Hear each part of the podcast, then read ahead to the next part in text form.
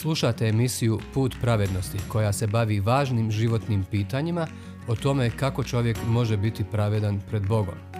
Ako imate bilo kakvih pitanja ili komentara vezano za današnju emisiju, na kraju ćete imati informacije kako nas kontaktirati.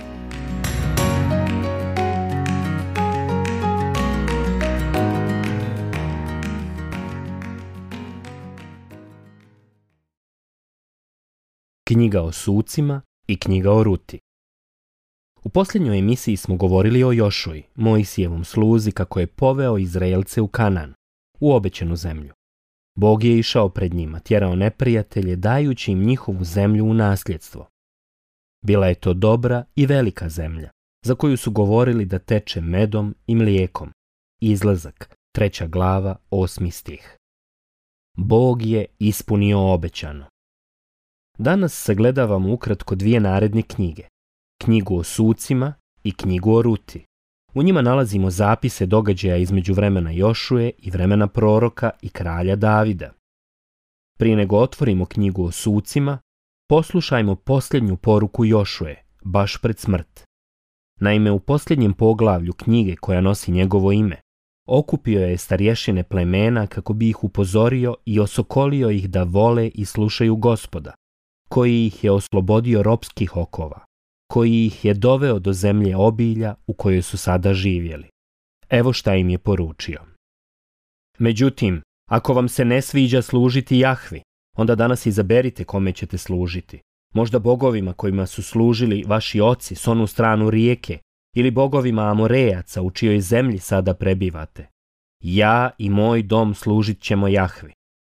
Narod odgovori, daleko neka je od nas da ostavimo Jahvu, a služimo drugim bogovima. I mi ćemo služiti Jahvi jer je On Bog naš.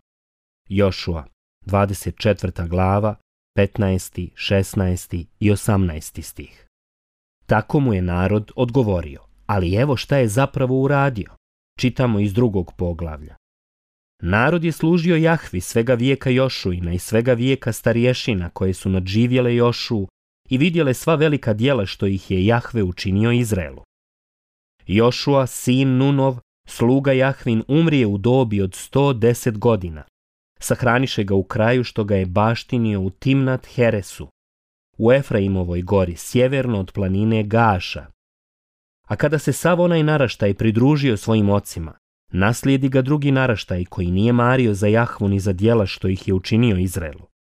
Tada su sinovi Izraelovi počeli činiti ono što Jahvi nije po volji i služili su balima.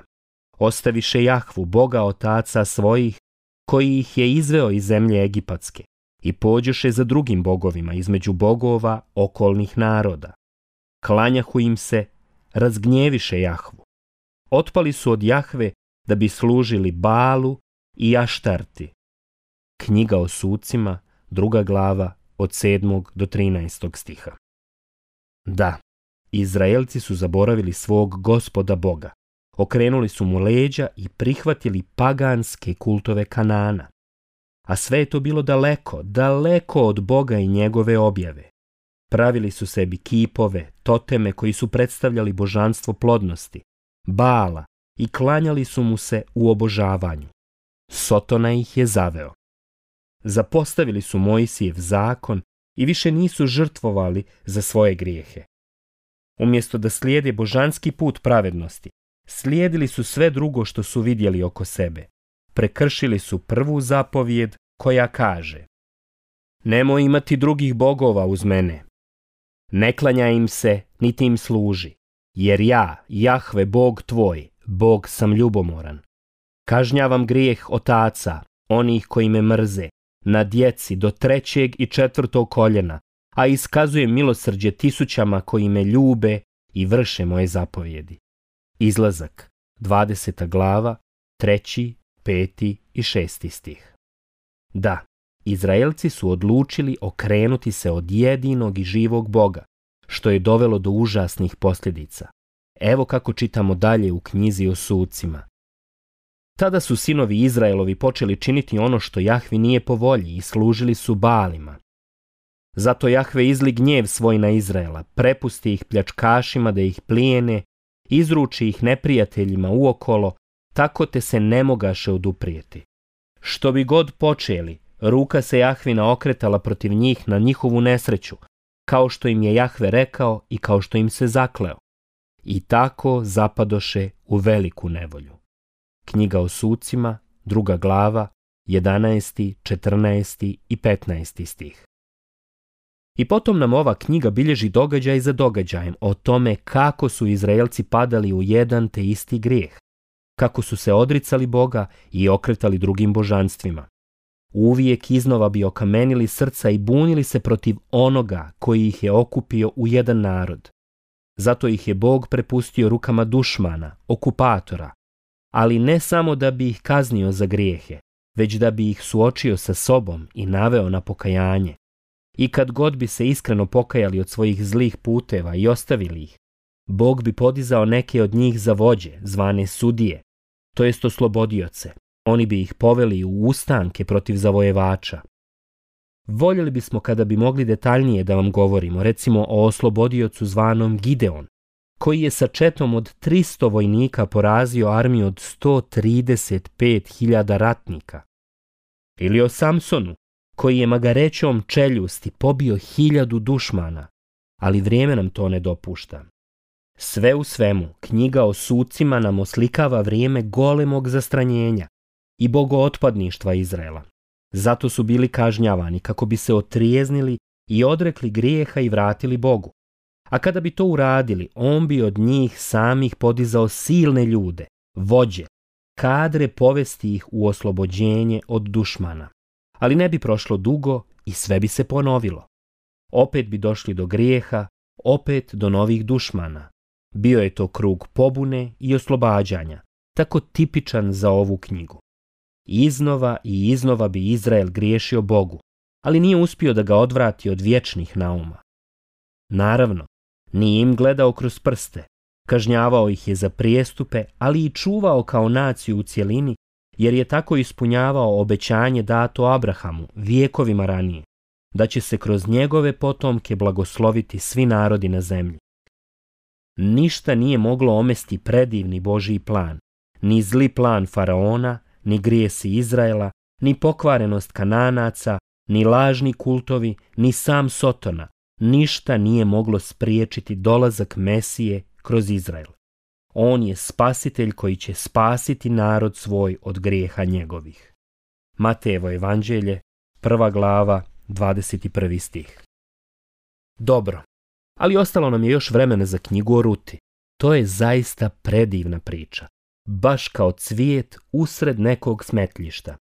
To je priča o divnoj mladoj ženi koja nije bila hebrejka, koja je odlučila vjerovati i slijediti gospoda Boga, uprko sveg zla čitavog naraštaja kome je pripadala.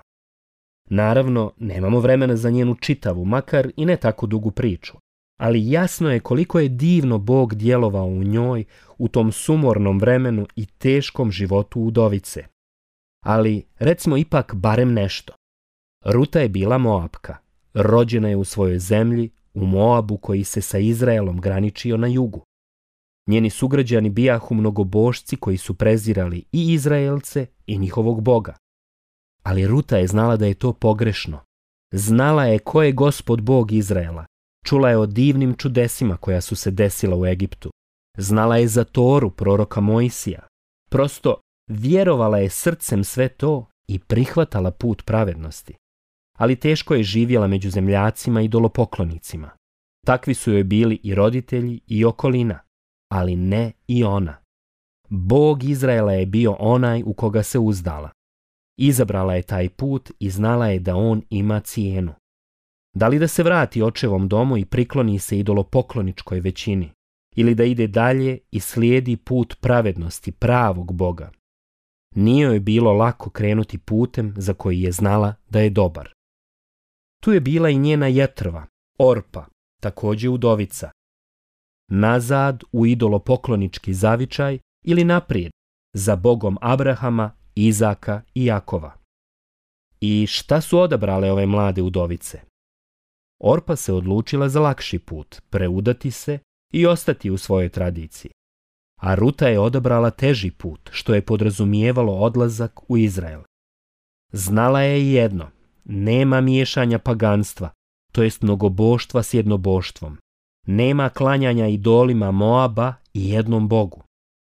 Nije marila ako bi je i rodbina i prijatelji prezreli i odbacili, jer joj je Bog bio važniji od svih. Baš kako kaže poslovica senegalskog plemena Volov. Ako hoćeš meda, ne žali se na ubode pčela. Tek nakon mnogih događaja Ruta je napustila Moab preselila se sa svekrvom u Izrael, u seoce Betlehem. Tamo je živio izvjesni Boaz, Rahabin sin, baš one Rahabe iz Jerihona, koja je sakrila uhode koje je Jošua kao prve poslao na tlo Kanana. O tome smo govorili u prošloj emisiji. Dakle, Boaz je bio njen sin i volio je gospoda i njegovu riječ. Bio je imućan zemljoposjednik, ali još uvijek neženja. I tako nam dalje pismo kazuje da se odmah po dolasku u Betlehem, po savjetu svekrve, dala u pabirčenje. Zorom bi išla na polja jer je žetva bila u jeku, gdje bi kupila ono što bi preostajalo za vršitbe. Bio je to posao za siromahe, propisan baš Mojsijevim zakonom, koji je bio dat Izraelcima. Siromasi bi tako preživljavali. Slučaj je htio da pabirči i na poljima uglednog boaza. Knjiga o Ruti druga glava, treći stih. On ju je primijetio, bila je mlada i lijepa žena, a i čuo je za nju, njen dolazak i vjeru. I on je bio pravednik koji je umio prepoznati sličnu sebi. Pogađate li šta se zbilo potom? Pa, to i nije tako teško, zar ne? Ubrzo su bili vjenčani. Ruta je doživjela blagoslov koji doživi svako ko na prvo mjesto u životu stavi Boga. Elem, knjiga o Ruti se završava divnom pričom, rođenjem njihovog sina Obeda. On će postati otac Išaja koji će roditi Davida, najvećeg kralja u Izraelu, proroka i pisca mnogih psalama. A iz Davidove loze će vijekovima kasnije doći obećani spasitelj, Isus, sin Marin.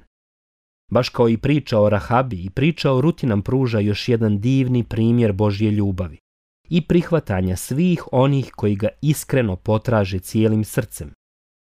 Poput Rahabe i Ruta je bila paganka, mnogo boškinja, i dok su se mnogi Izraelci odricali svoje vjere i svog boga, okrećući se kananskim kultovima, Ruta je učinila suprotno.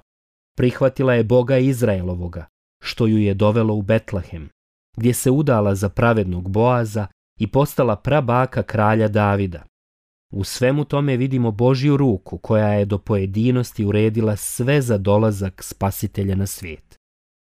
Naravno, to će se dogoditi u svoje vrijeme i na svoj način, ali on će biti potomak kralja Davida, rođen u Betlehemu kao spasitelj sveg svijeta. Ovdje završavamo s najavom da, inšalah, sljedeći put sagledavamo knjigu koja nam opisuje život proroka i kralja Davida, neka vas sve Bog blagoslovi dok razmišljate o posljednjim Jošuinim riječima upućenim Izraelcima. Izaberite kome ćete služiti. Ja i moj dom služit ćemo Jahvu. Jošua, 24. glava, 15. stih.